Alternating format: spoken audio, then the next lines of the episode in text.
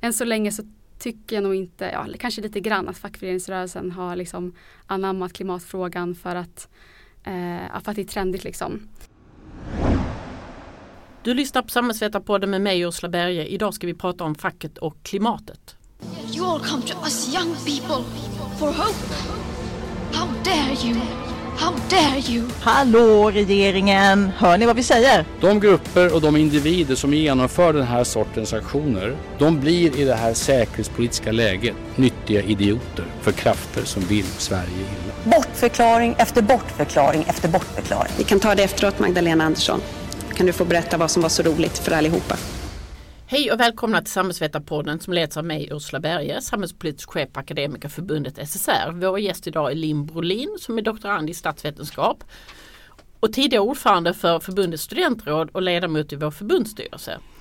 Och du har skrivit mycket om facket och klimatet. Välkommen Linn! Tack så mycket! Ursprunget till allt det här som vi ska prata om idag var ju att du skrev en masteruppsats vid Lunds universitet som sedan skrevs om till en rapport för Arena Idé. Berätta hur du blev intresserad av den här kombinationen klimatpolitik och facket. Ja, eh, men som jag ser det så sätter klimatkrisen ljus på några fundamentala samhällsproblem som vi har. Klimatkrisen visar att eh, vi lever i ett klassamhälle. Eh, det visar på att vad som händer om vi inte har en god välfärd och om vi inte har starka trygghetssystem. Klimatkrisen visar på vad som händer när arbetsmarknaden blir allt mer prekariserad. Och också såklart så visar, klimatkrisen eh, på de här skeva maktförhållandena vi har mellan globala nord och globala syd. Så mm, samtidigt som det är uppenbart att vi är väldigt långt ifrån att eh, lyckas vända klimatkrisen så är någonting som är ännu mer oroande som jag tycker är att det finns ett väldigt stort missnöje idag mot eh, den förda klimatpolitiken. Och det är många grupper som, som känner sig att de inte är en del av klimatomställningen idag. Och det är såklart ett jättestort misslyckande. Ehm, och för att om vi ska ta klimatkrisen på allvar så måste vi faktiskt ställa om hela produktionen och liksom sättet att organisera vår ekonomi. Och här tror jag liksom facken kommer in som en väldigt viktig eh, spelare i det. Ehm, för det är ju trots allt en strukturomvandling. Ehm, och då tror jag att fackföreningsrörelsen, eller jag hoppas att fackföreningsrörelsen har en väldigt stor potential i den här omställningen. Att fackföreningsrörelsen kan formulera mer progressiva eh, svar eh, i klimatomställningen. Men också så här, lyssna på dem som drabbas hårdast och ställa krav så att vi omfördelar de här vinsterna och framförallt förlusterna eh, som klimatkrisen eh, bidrar till. Och vi tar det, du, du, nämnde strukturomvandling och tittar man historiskt, om man är ekonomisk historiker, vilket jag inte är, men om man tittar på det så ser man att svensk fackföreningsrörelse har historiskt sett varit en positiv kraft för strukturomvandling under vissa förutsättningar. Eh, och de förutsättningarna har varit att det ska vara det vi ibland kallar trygghet i omställning. Att, att man ska, man ska klamra sig kvar vid gamla jobb som, som liksom i modernisering eller industrialiseringens tid utan att bejaka omskolning och, och så vidare. Är vi då, är den svenska fackföreningsrörelsen där vad det gäller klimatfrågan? Ehm, ja, det skulle jag faktiskt säga. Eh, när jag pratat med de här eh, fackförbunden eh, till den här rapporten eh, då ser jag ändå att det finns en väldigt stor positiv eh, drivkraft. Folk är väldigt, väldigt eh, positivt inställda till klimatomställningen och ser att den är väldigt nödvändig. Men pekar just på att om vi inte har de här grundförutsättningarna för att ställa om, om människor inte har det, då kommer vi i längden inte kunna ställa om. För människor kommer ställa sig emot omställningen. Eh, så det jag har sett när jag pratar med fackförbundet, de riktar en, samtidigt som de verkligen bejakar de här systemen, eh, vilket de absolut gör, så riktar de en kritik mot att systemen har blivit svagare de senaste åren, årtionden. Och man pekar just på att löntagare känner en ganska stor oro inför eh, omställningen, både på jobbet eh, men också privat. Ehm, och det blir helt enkelt när vi har de här trygghetssystemen systemen som blir svagare så blir det helt enkelt svårare att omskola sig eller att, eller att ändra sina arbetsuppgifter om man inte känner att det finns en trygghet eh, till omskolning. Eh, så det är några förbund som pratar om att Arbetsförmedlingens eh, uppdrag måste stärkas eh, och vissa förbund är också kritiska till att eh, företag inte tar det ansvaret de borde ta för omskolning eh, eh, när vi nu behöver ställa om till mer gröna jobb. Jag tänkte vi ska komma in på det lite i detalj men de förbund du har pratat med det är bara LO-förbund. Eh, har de ett större uppdrag än vi andra? Um, ja, um, eller jag vet inte hur jag ska så här var det, när jag skulle skriva den här eh, uppsatsen så skulle man behöva eh, begränsa sig. Och min eh, utgångsidé var att jag ville titta på de sektorer i samhället som drabbas, eller som, ja, men som jag ser idag drabbas och i framtiden kommer mer påtagligt drabbas av den här omställningen av samhället och ekonomin. Och då har jag valt att titta på de sektorer som är utsläppstunga helt enkelt. Och då är det industrin, det är transport, bygg, energisystemet och eh, skogsbruket. Då. Och de drabbas såklart på väldigt olika sätt. Vissa gynnas mer än andra, och vissa har det liksom tuffare i omställningen.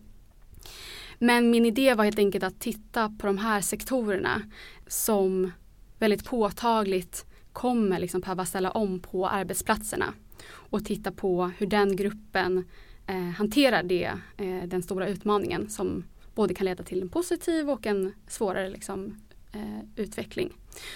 Och eh, sen som det också blev väldigt uppenbart i när jag intervjuade fackförbunden som jag inte hade tänkt lika mycket på i förväg var att människor som arbetar i de här yrkena också är mer sårbara för den omställningen vi nu står inför. Ja, men särskilt människor som inte har så hög lön och som bor på landsbygden eh, blir mer sårbara för eh, den politiken som förs idag. Så det är inte bara branschens karaktär och dess roll i klimatomställningen utan också de individer som jobbar i den och deras situation. Precis, ja, det mm. blir ju arbetarklassen helt enkelt som jag fokuserar på i den här studien. Mm.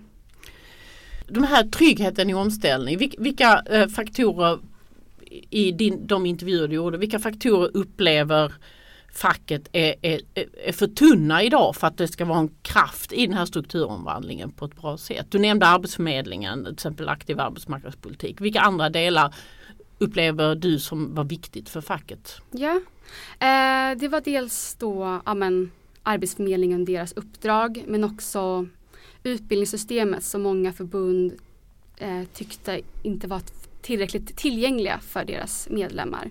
Eh, vi har det nya omställningsstudiestödet som eh, har väldigt stor potential men som kanske inte är någonting för alla. Alla kanske inte kommer från studievana miljöer och inte har så lätt att eh, börja studera igen. Så eh, många lyfter fram det här med validering eh, och mer yrkesnära utbildningar.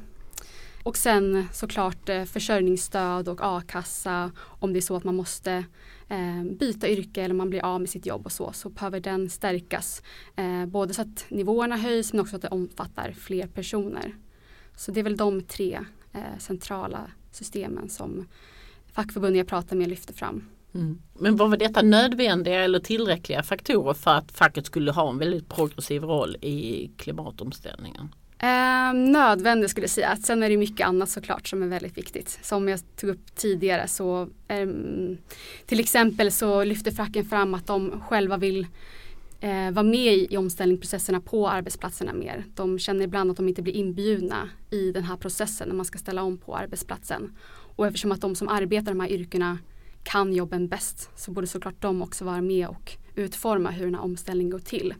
Men också som jag nämnde det här med omskolning och att företagen inte bara förlitar sig på att vi har ett system utanför eh, jobbet och arbetsplatsen utan att man även inom på arbetsplatsen får möjlighet att omskola och utbilda sig.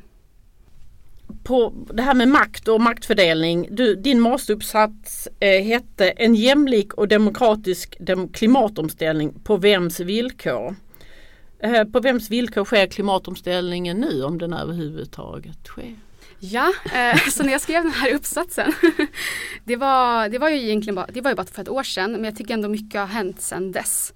Eh, så när jag skrev, när jag pratade med fackförbunden då då upplevde många att, att omställningen är väldigt individfokuserad, om, fokuserad på att privatpersoner själva ska ställa om i sina liv eh, och det blir liksom väldigt tungt för individer. Och det är såklart att det är lättare då för en höginkomsttagare än en låginkomsttagare att eh, ställa om sin vardag till en hållbar livsstil som man vill. Och då lyfte förbunden fram att det fanns en, att de var väldigt kritiska till de subventionerna som fanns. De riktade sig framförallt till höginkomsttagare, till folk i städer som elbilar och solcellsstöd. Och, så och för det första så är det ganska svårt att göra den investeringen ens om man inte har kapital. Men sen så kanske inte ens är reellt möjligt om man till exempel bor i en hyresrätt att ta del av de här subventionerna. Så man, man känner liksom att det skickas en signal eh, att klimatpolitiken är för en viss grupp i samhället och inte för alla. Nu däremot så när vi jag intervjuade dem precis i regeringsskiftet när tidavtalet presenterades så. Men nu känner jag själv att vi står för helt andra utmaningar att ens argumentera för att vi behöver en klimatpolitik. Um, så nu har vi liksom tagit ett steg tillbaka nästan och behöver till och med arbeta för att berättiga att vi behöver åtgärder för att uh, bara minska utsläppen. Så jag skulle säga att bara på ett år så har säkert fackens utmaningar också förändrats en hel del. Och det är ju egentligen en helt annan podd hur den klimatpolitiken drivs idag. Men, men får du intrycket av att den klimatpolitik som drivs har arbetsmarknadens parter eller fackförbund specifikt som ett subjekt? Alltså finns vi ehm, med? ja, uh, jag tror att uh, man, man ska se klimatpolitiken i en större kontext av en samhällsutveckling. Som jag beskriver i min uppsats så ser jag det som en nyliberal klimatpolitik. Just att det är väldigt mycket fokus på den enskilda individen och att marknads marknadskrafterna ska lösa den här omställningen. Eh, så jag tänker att man mer kanske, jag tror absolut inte att politiker har tänkt att den ska vända sig mot en speciell grupp. Ehm, men i den eh, samhällsutveckling vi lever i idag så blir politiken utformad på det sättet. Sen har vi idag hamnat i en annan riktning då som kanske är mer konservativ och, eh, och då blir det helt andra frågor som då blir det helt andra subjekt helt, helt plötsligt. Vi har ju i min, eh, när jag intervjuade fackförbunden så var ju folk eh, kritiska till de ökade bränslepriserna. Och eh, som jag sa tidigare så finns det stort missnöje mot klimatpolitiken. Men det som är tråkigt nog hänt nu är att det är de konservativa krafterna som har kapitulerat på det missnöjet. Och nu ser vi att bensin och dieselpriserna sänks. Men vem är det som gynnas av det? Det är ju framförallt också högkomsttagare eh, som kör mest bil. Jag vet inte om jag svarar på din fråga. Nej, men, jo, men absolut. Men, men om den förra regeringen hade väldigt mycket fokus, du nämnde det här med solceller, du nämner elbil och elcykelstöd och så vidare. Det var ju väldigt mycket individen som eh, konsument. Men precis. individen som arbetstagare. Mm, ja men precis. Finns den? Nej men det skulle jag nog inte. Mång, vissa pratar ju om omställningsstudiestödet skulle kunna vara som en del av den här större strukturomvandlingen och omställningen vi har. Men som jag förstått det, det är absolut, man vill inte, eller från parternas håll vill man inte att det ska eh, framas på det sättet utan det är mer en generell eh, stöd för människor att ställa om. Men eh, från hur politiken riktar sig mot då handlar det väldigt mycket om industrins omställning och så men det är det blir inte så mycket från ett arbetstagarperspektiv skulle jag säga. Så det är som du säger, det har varit mycket retorik om eh, att ändra sin, sin konsumtion och sitt, eh, eh, sin, sin livsstil helt enkelt. Och det kan man ju tycka är, är skulle kunna vara lite lätt kontextlöst med tanke på att eh, just i Sverige råkar vi ha världens starkaste fackföreningsrörelse. Så den skulle ju kunna vara ett subjekt alltså som, i, i form av arbetstagarrepresentanter. Det var inte så mycket fråga mm. utan mer en synpunkt. Ja. Eh, I, I din uh, uppsats eller möjligtvis i rapporten från Arena Idé så citerar du en, en känd belgisk statsvetare som heter Chantal Mouffe. Och hon skriver att klimatpolitiken står i beroendeställning till den nyliberala utvecklingen där demokratiska ideal om jämlikhet och folksuveränitet urholkas av den enda vägens politik. Är det så? Men det är lite som varit inne på tidigare, kanske nyliberalismens eh, stora era över, eller dominans över lite grann. eh, men har ersatts av någonting annat. Men det som i alla fall försöker beskriva i rapporten är att det finns en tendens att även fast klimatpolitiken har hamnat väldigt högt upp på agendan så blir liksom svaren mer och mer likriktade och det finns inte så mycket eh, det, det är få som visar på vilka intressekonflikter och maktrelationer som klimatkrisen faktiskt innehåller. Och det här Sen är det väldigt viktigt att poängtera att vi behöver minska utsläppen. Det är såklart ingenting vi ska diskutera eller förhandla om. Men hur vi ska genomföra omställningen, det är det som är det viktiga. Och det kan inte bli liksom ett universellt svar där det finns en lösning på. Som passar alla, för så är det såklart inte. Och många pratar ju om att det är viktigt att vi står enade i klimatkrisen, att vi inte ska polarisera oss. Men jag tror det är väldigt farlig väg att gå. Eh, för om vi slutar synliggöra vad det finns för liksom konflikter så blir det att vi legitimerar vissa krav och erkänner dem mer än andra. Och för jag tror att det är inte först när oenighet kan uttryckas som vi har möjlighet att liksom gå bortom det som tas för givet, gå bortom status quo. Så jag tror helt enkelt att den här intressekampen är helt nödvändig för att vi ska kunna formulera mer radikala och progressiva eh, svar på hur vi ska hantera klimatkrisen. Så, så att hantera klimatomställning, eh, det är ingen win-win situation? Det är inte nej, så? Nej, det skulle jag inte säga att det är. Nej. Så, så vi skulle lyckas mer i arbetet med klimatomställning om vi såg de här makthierarkierna och hanterade dem? Ja, framförallt när det kommer till roten till, till eh, klimatkrisen. Det är väl det allra viktigaste, att vi ska synliggöra, men vad är det för maktstrukturer som ligger till grund här? Varför har vi hamnat här? För att på så sätt kunna formulera krav som gynnar arbetarkollektivet. Och den makthierarkin kan man ju säga både i ett globalt perspektiv och i ett nationellt. Ja, det stämmer bra. Jag har inte själv tittat så mycket på de globala maktmönstren men de är ju väldigt påtagliga och eh, det är väl kanske på det sättet som klimaträttvisa pratas om mest idag. Men jag tycker också det är väldigt viktigt att vi försöker förstå det i liksom vår svenska kontext. Just när vi har ganska mycket backlash i klimatfrågan så är det viktigt att också synliggöra maktdynamikerna inom Sveriges gränser även fast vi såklart som nation är väldigt tunga utsläppare per, ja, om man tittar på våra konsumtionsbaserade utsläpp. Som en person som inte jobbar dagligdags med de här frågorna, varför är den här maktdimensionen så svag i debatten om klimatfrågan?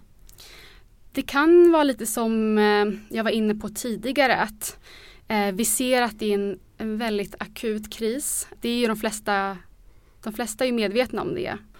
Och då finns en idé om att vi inte ska polarisera oss. För om vi gör det så kommer vi inte kunna åstadkomma politik för att motverka krisen. Men som jag ser det har vi haft en sån politik nu i 30 år. Att vi ser det som en, liksom, en alla sitter i samma båt eh, och det här är vår, ett, liksom, ett eh, hot utanför oss. Men då har vi, vi har ju inte lyckats eh, åstadkomma den omställning vi vill se. Vi lyckas ju inte minska utsläppen. Så jag ser att vi måste försöka ändra vårt sätt på hur vi hanterar klimatkrisen. Om vi, om vi ser det som en win-win situation eh, så formulerar vi inte tillräckligt radikala svar på att hantera klimatkrisen. Mm. Om vi klarar av att synliggöra den här makthierarkin och, och rollfördelningen, eh, hur förändrar det politikens innehåll? Um, nej men det innebär ju att vi, vi, um, vi tvingas titta på vilka drabbas av krisen i sig men också politiken för att möta krisen. Och om vi synliggör det så kan vi också omfördela kostnaderna eller också vinsterna förhoppningsvis av politiken. Och på så sätt tror jag i alla fall att vi kan få med fler på tåget och skapa mer mobilisering för att åstadkomma ännu mer radikal politik för att eh, lyckas motverka den krisen vi står inför. Det bygger i så fall på att politikerna har ett egalitärt förhållningssätt och tycker att jämlikhet i, i fördelning är ett mål. Ja, det gör de inte oftast så. Det är det, det, det vi kämpar för om vi, om, eh, eller det är det jag kämpar för, nej men eh, om, eh, från ett fackligt perspektiv i alla fall, så tänker jag att, att man i första hand har löntagarnas intresse eh, på agendan. Det ligger lite i uppdraget. Precis, så om man från ett fackligt perspektiv tror det är möjligt i alla fall att kämpa för det här mer e-, egalitära förhållningssättet till klimatkrisen. Rapporten du skrev eh, hette inte en annan sak. Den hade istället titeln Mot en återpolitiserad klimatomställning. Eh, och vi har varit inne på det för, för i politiseringen ligger väl också det här att kunna synliggöra makthierarkier och så vidare. Men hur ska den återpolitiseringen se ut? Hur ska det gå till? Um, ja, men vi har varit inne på det lite grann men till exempel något lite mer konkret då är väl att uh, sta, alltså nu har liksom staten gjort en walkover, inte helt och hållet, det, det är klart att staten har också varit väldigt pådrivande i den här eh, gröna omställningen vi ser i norr och återindustrialiseringen och så. Men när det kommer till att liksom mer att jobba för det här gemensamma som vi pratade om tidigare om, om eh, arbetsmarknadsåtgärder, omskolning och eh, socialförsäkringssystem. Ta mer gemensamt krafttag för att vi tillsammans ska möta den här omställningen. Så eh, ett större offentligt eller liksom gemensamt ansvar skulle man väl kunna se eh, att omställningen skulle kunna innehålla. Ja. Mm. Jag följer inte all debatt men jag får inte intrycket av att just de här Alltså fundamentet för att facket ska bli en, en, en kraft för en positiv strukturomvandling förstått som klimaträttvisa att man sällan formulerar det i form av att a-kassan behöver bli bättre och så vidare. För att, eller att arbetsmarknadspolitiken behöver bli mer eh, kraftfull och så vidare. Utan de, de frågorna debatteras lite frikopplat från klimatfrågan. De ju, vi driver dem i alla fall men, men mm. inte så ofta kopplar vi det ihop till att det är viktigt för en strukturomvandling och klimatomställning. Varför är det så? Um, Har vi inte fattat den att, kopplingen än? Nej jag tror kanske det. Ja det är svaret. Nej men det är jättesvårt um, hur, hur man som fackförbund ska förhålla sig till klimatkrisen såklart. Och särskilt, det var ju en del fackförbund jag pratade med som har en väldigt stor eh, del av sin medlemskår som röstar på parti som, som till och med har en klimatskeptisk eh, retorik. Och då blir det också väldigt svårt att gå ut och liksom framea klimatomställningen som sin hjärtefråga. Eh, särskilt när vi har vissa förbund som också tappar mycket medlemmar där det blir svårare att organisera och sådär. Så jag tror framförallt då om jag pratar om LO-kollektivet finns en liten rädsla eh, att gå ut alldeles för hårt. Sen så vet jag att man jobbar väldigt mycket internt med de här frågorna och har en väldigt stor medvetenhet. Men det kanske inte syns utåt lika mycket. Kan vi få till en vettig klimatomställning i Sverige utan facket? Eh, nej, det skulle jag inte säga. Eller i alla fall inte i Sverige. För i Sverige är facken så otroligt viktiga. Det är ju facken som reglerar det mesta på arbetsmarknaden och klimatomställningen är ju som varit inne på tidigare en strukturomvandling. Så för att omställningen ska eh, vara någorlunda rättvis så tror jag absolut att facken behöver eh, jobba väldigt hårt för att se till att den strukturomvandlingen sker på ett schysst sätt. Och då har vi nog en bit kvar. um, och en sak är ju liksom eh, det som är politikens roll och det som är arbetsmarknadens parters roll. Men arbetsmarknadens parter består ju både av fack och arbetsgivare. Kan inte eh, fack och arbetsgivare vara på samma sida i klimatomställningen?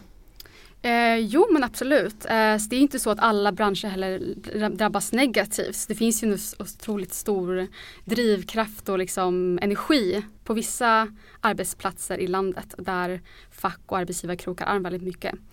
Där finns det ju däremot i i de typerna av branscher jag tänker på så finns det ju många andra problem. Nu igen pratar jag om eh, återindustrialiseringen i norr. Där vi har otroligt många andra problem. Eh, som ja, vi har eh, konflikter med eh, minoriteter, med eh, biologisk mångfald eh, men också att välfärden inte håller liksom, för den, eh, den stora inflyttningen vi har i de orterna.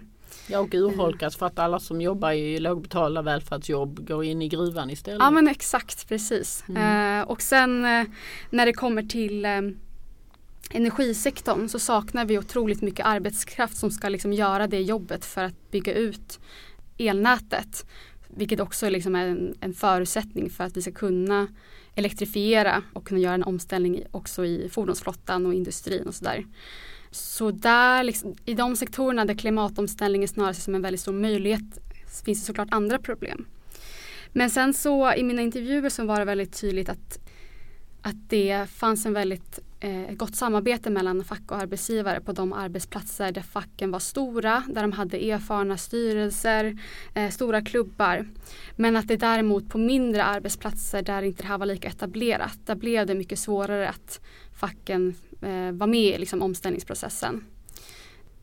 Så ja, för att man kände att man inte hade en lokal organisation och lokal facklig organisering som hade makten att ta liksom, eh, initiativ i samverkan lokalt och så eller? Ja och att eh, arbetsgivaren kanske inte heller hade en tillit och en vilja att lyssna eller eh, involvera eh, klubbarna. Um, i din eh, studie så, så vittnar i stort sett alla de här intervjupersonerna du, du pratar med om att eh, det här är en stor potential, det här kan skapa jobb och så vidare. Att man, man ser väldigt positivt på möjligheten att detta kan, kan eh, skapa dynamik och, på, på svensk arbetsmarknad. Då, då känns det ju som att, att fack och arbetsgivare skulle kunna kroka arm. Med Absolut. Ja.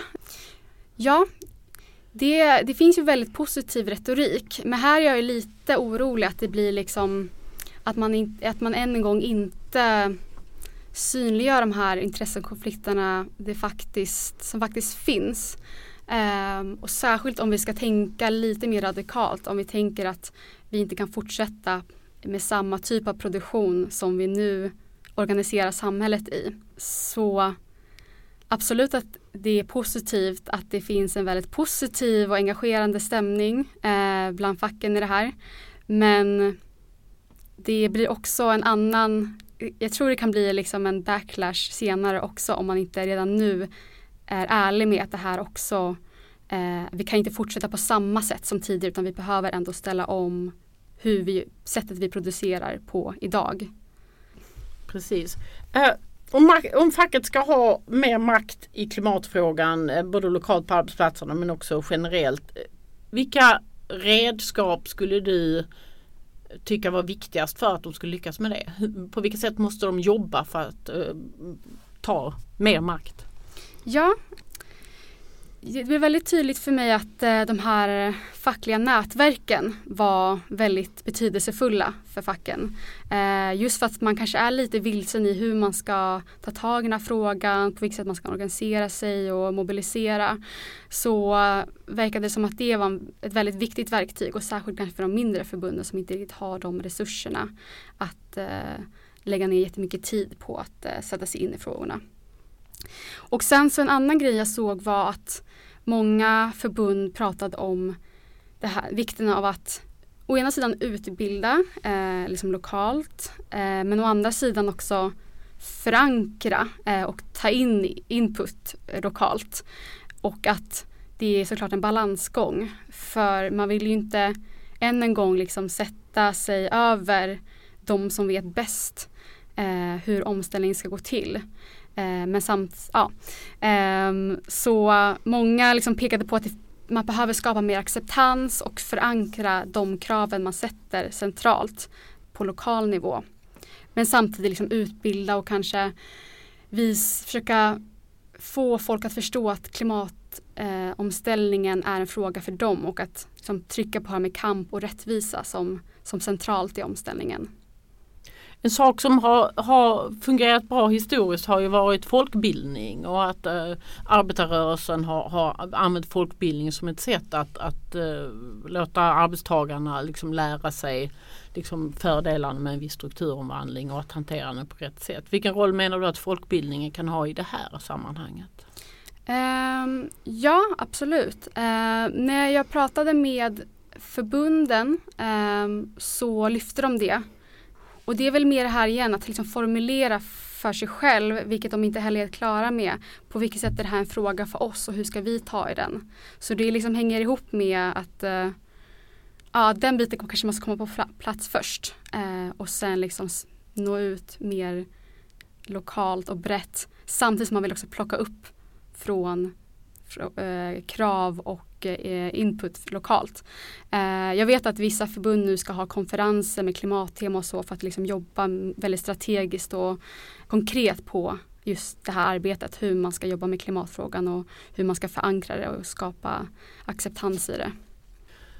Och eh, nu blir det en fråga lite vid sidan om men till exempel har ju eh, statsbidragen till folkbildningen skurits ner jättemycket nu här i den senaste budgeten och, och, det kan man ju se som möjligtvis kontraproduktivt i det här avseendet om den folkbildningen eh, ska gå via till exempel folkbildningsförbunden. Mm, precis, precis. Men det... Ja, det är en oro också. Ytterligare oro. precis. Vad bedömer du är de största hindren just nu för att facket ska kunna få eh, spela en större roll i klimatomställningen?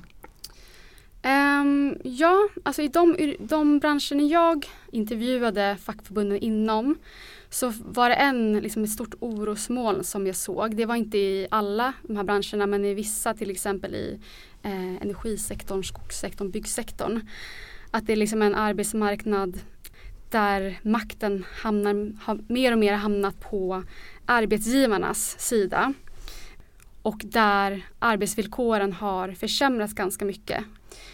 Jag eh, fick höra mycket om eh, de här systemen som jag själv inte kände till så bra innan, de här systemen med underleverantörer eh, och hur det finns en otroligt liksom, hård kostnadsminimering i de här eh, branscherna. Vilket gör att både liksom, villkoren men också klimatarbetet där knappt går att, det går knappt att hålla sig inom kollektivavtalet ibland i de här branscherna. Och det gör ju också att det, när då handlar om väldigt korta upphandlingstider, korta kontrakt som gör att det blir svårt också att eh, skapa facklig organisering om man kanske inte ens vet om man har kvar jobbet nästa månad. Sådär. Så det blir liksom det är en, en, utveckling på arbetsmarknaden som inte är så gynnsam för facken och för arbetstagarna. Så det ser jag som ett väldigt stort hinder. Samtidigt finns det ju en väldigt, det finns en ganska spännande synergi där att liksom villkorsfrågor och klimatomställningsarbete går hand i hand. Att eh, det är faktiskt ett gemensamt intresse att förbättra villkor och förbättra eh, omställningsarbetet genom att motverka de här typen av systemen där det blir otroligt pressad situation. De här stora företagen anställer knappt, knappt några egna anställda men eh, ja, har flera eh, eh lager av underentreprenörer under sig. Var det någon som formulerade en strategi för att hantera det där med underentreprenörer eller väldigt slimmade eh, avtal och så vidare? Eh, ja, alltså energisektorn så har ju liksom systemet avreglerats och tar tillbaka liksom den gemensamma kontrollen över det, att det blir mer offentligt styrt. Det var ju ett krav som togs upp. Eh, någon eh, föreslog ett förstatligande men insåg också att det var alldeles för radikalt, att det absolut inte skulle gå igenom. Så ja, det var nog eh, det jag fick höra. Så det tror jag är en stor utmaning att vi har också i de här förbunden så är ju inte så att eh, medlemssiffrorna ser superpositiva ut utan att den fackliga organiseringen minskar ganska mycket. Om man har väldigt dåliga villkor och korta kontrakt så blir det svårt att organisera sina medlemmar. Jo, det finns fackförbund som har otroligt stora utmaningar som byter en tredjedel av sina medlemmar mm. varje år för att det är så stor omsättning. För de som säger att men, men vi i facket ska jobba med det som är kärnfackligt och detta utanför. Vad säger du till dem? Ja, som jag ser det så hänger det ju som sagt ihop, särskilt om precis det vi snackade om tidigare. Som jag ser det så är det ganska tydligt att exploateringen av arbetar och naturen går hand i hand. Och att se den kopplingen så att säga tror jag skulle kunna vara väldigt gynnsamt för fackföreningsrörelsen. Men också som vi har pratat om flera gånger tidigare att det faktiskt är en strukturomvandling vi står inför. Och att facken måste vara med där. Eh, det är bara helt självklart. Så Sen så eh, håller jag med om att det är lite klurigare i sektorer eh, där man kanske inte eh, jobbar i, eh, i väldigt utsläppstunga sektorer. Till exempel inom eh, välfärdssektorer. Det blir inte lika uppenbart hur facken ska jobba med klimatfrågan där. Och det är klart att man kan jobba med det här med att göra arbetsplatsen mer hållbar och sådär. Men då kanske vi inte liksom sätter fokus på de här fundamentala problemen vi har utan det blir mer de här eh, konsumtions, eh, eller inte konsumtion men eh, livsstilsförändringarna som det blir fokus på då. Så jag har inte heller kommit lite underfund med liksom hur, hur den samlade stora fackföreningsrörelsen ska tänka men det är lite enklare att tänka på de sektorer som mer konkret måste ställa om på grund av att deras produktion skapar eh, utsläpp eller annan miljöpåverkan. Och det, det är andra bättre på än vi men jag tänker att vi också kan bidra. Om vi kommer in på det här med vilka verktyg som, som fackföreningsrörelsen kan använda sig av så tänker jag att Internationellt finns det också en, det finns en global fackföreningsrörelse och de säger ibland att det finns inga jobb på en död planet. Och, och det är ju sant. Mm. och, eh, och, och, det finns ju, och fackföreningsrörelsen ser väldigt olika ut i olika länder. Till exempel i Kanada finns det något som heter gröna kollektivavtal och kollektivavtal är vi ju i Sverige bäst i världen på. Liksom. Eh, men det är ju ett exempel på ett verktyg att skriva in i kollektivavtal en massa alltså bra villkor och så vidare. Men vilka, eh, ja, ge oss lite tips, vad ska vi jobba med? Ja, till exempel kanske sex timmars arbetsdag är ju ett bra konkret tips. Ehm, men också kanske mm, att erbjuda arbetstagare eh, gratis kollektivtrafik och åka till jobbet. Det skulle kunna vara ett sådant krav. Men också eh, som sagt i sektorer som är väldigt utsläppstunga. Det, är liksom, det blir ju faktiskt en, en överlevnadsfråga att i yrken som förr eller senare måste ställa om eh, så blir det också en facklig fråga för att man ska kunna jobba kvar. Eh, eller det är också för fackens överlevnad. Om de ska kunna organisera personer inom den här sektorn så kommer den sektorn förr eller senare behöva ställa om. Så eh, också sätta krav i kollektivavtalet att produktionen behöver ställas om. Tror jag skulle vara, eh, finnas en stor potential i. Men det gäller såklart inte hela den samlade rörelsen. Mm. Vi har en facklig syster som heter Vision. De har något som heter klimatombud. Ja, eh, det har jag hört lite grann om. Um, Vad tänker du runt det? Jo men absolut. Det tror jag också så kan vara ett klokt sätt att eh, adressera eh, klimatfrågan på. Ehm, samtidigt så eh, jag, jag, är inte så insatt i det så jag vill inte kritisera det men jag tror det också blir en risk att det en gång handlar om så här, sopsortering och väldigt så här, ja, men livs, eh, livsstilsfrågor. Men eh, så, så länge man liksom sätter fokus på mer fundamentala eh, problem vi har eh, som klimatkrisen behöver hantera så tror jag det är otroligt stor potential. Och eh, inom vårt förbund har vi ju börjat prata om vad vi ska skriva in i, i och kräva i kollektivavtal och då är det, handlar det mycket om det här transporter till och från jobbet och i jobbet och sådana saker. Och hållbarhetsfrågor in i lokal samverkan och så vidare. Men vad, vad, vad borde vi reglera i kollektivavtalet om att vi nu har det verktyget till hands? Ja, alltså just när det kommer till sektorer som, som jag, jag, tycker den är lite svår. Jag har själv inte kommit på hur, hur vi ska göra eh, liksom för SSRs del till exempel. Hur en samhällsvetare liksom ska tänka kring sin arbetsplats. Så jag passar lite på den. Jag tycker mm. det är mm. svårt. Men det är ett utvecklingsområde. Ja. Om man jobbar fackligt med klimatomställningen, finns det risker och nackdelar med det? Det finns eh, en risk såklart att det blir greenwashing som, som klimatfrågan har blivit lite överallt. Än så länge så tycker jag nog inte, ja kanske lite grann att fackföreningsrörelsen har liksom anammat klimatfrågan för att, eh, för att det är trendigt liksom. Men än en gång så är det så himla viktigt att facken liksom hittar rätt i klimatfrågan och liksom driver utifrån sina medlemmars intressen. För annars blir det liksom inte ärligt eller uppriktigt. Man måste liksom formulera svar som också adresserar medlemmarnas intressen. Ja, så jag tycker inte heller det är den enklaste uppgiften. Det finns väldigt mycket mer att tänka på. Men eh, nu som doktorand ska jag, eh, planen i alla fall, att jag ska titta på hur klimatförändringarnas effekter, alltså i sig, alltså hur extremväder, eh, hur skogsbränder och hetta och så, hur det i sig kommer påverka arbetsvillkor å ena sidan men också å andra sidan hur det kommer påverka företags produktivitet och vinstmarginaler. Eh, för att liksom se hur det här ansvaret, hur vinster och kostnader eh, omförhandlas och hur de fördelas.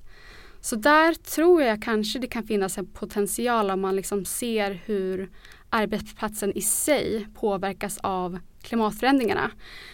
Så tror jag det blir enklare för fackföreningsrörelsen att se vad det finns för, eh, för intresse i att faktiskt motverka eh, klimatförändringar. Man ser att det påverkar oss här och nu. Eh, och än en gång då för att se hur faktiskt exploatering av naturen och av arbete hänger samman. Och om, vi, om facket äh, arbetar med klimatfrågan så kanske vi också riskminimerar i de avseendena. Precis, eh, det är ju faktiskt en överlevnadsfråga eh, eh redan idag. Tack Linn. Tack. Det var allt för Samhällsvetarpodden den här veckan. Prenumerera gärna på oss så missar du inga avsnitt. Samhällsvetarpodden görs av Akademikerförbundet SSR, Sveriges ledande samhällsvetarförbund.